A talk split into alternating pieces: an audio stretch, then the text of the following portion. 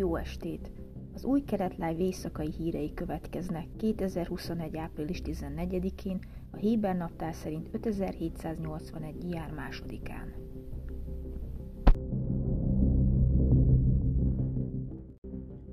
Szerda reggel Jom Hazikaron, azaz az elesett katonák és a terrortámadások áldozatainak emléknapján mintegy százan gyűltek össze Petachtikfában a Védelmi Minisztérium rehabilitációs részlegénél, ahol hétfőn Itzik Saidian 26 éves fogyatékkal élő veterán felgyújtotta magát.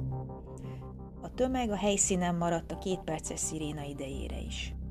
Saidiant a Sibo orvosi központban ápolják, állapota továbbra is válságos. A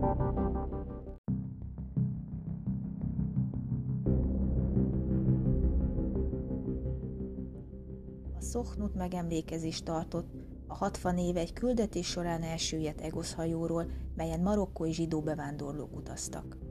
A Mossad által üzemeltetett hajó számos titkos műveletben vett részt, bevándorlókat szállítva Marokkótól a Gibraltárig, onnan pedig Izraelbe. Az 1961-es incidens 44 halottjából 43 bevándorló volt. Úgy vélik, a hajó sziklának üthözhetett. Az áldozatok közül 22 holtestét találták meg, és helyezték nyugalomra Izraelben.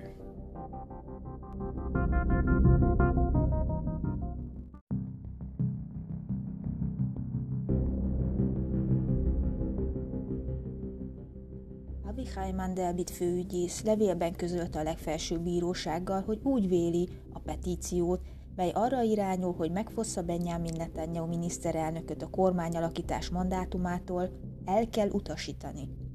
A főügyész állítása szerint az ügyben nem indokolt a bírósági beavatkozás.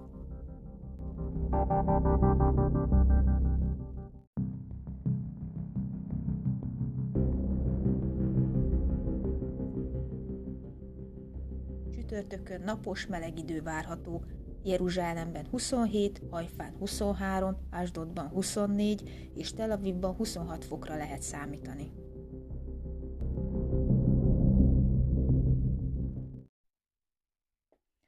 Ezek voltak az új Keret Live éjszakai hírei 2021. április 14-én, avagy 5781. jár másodikán.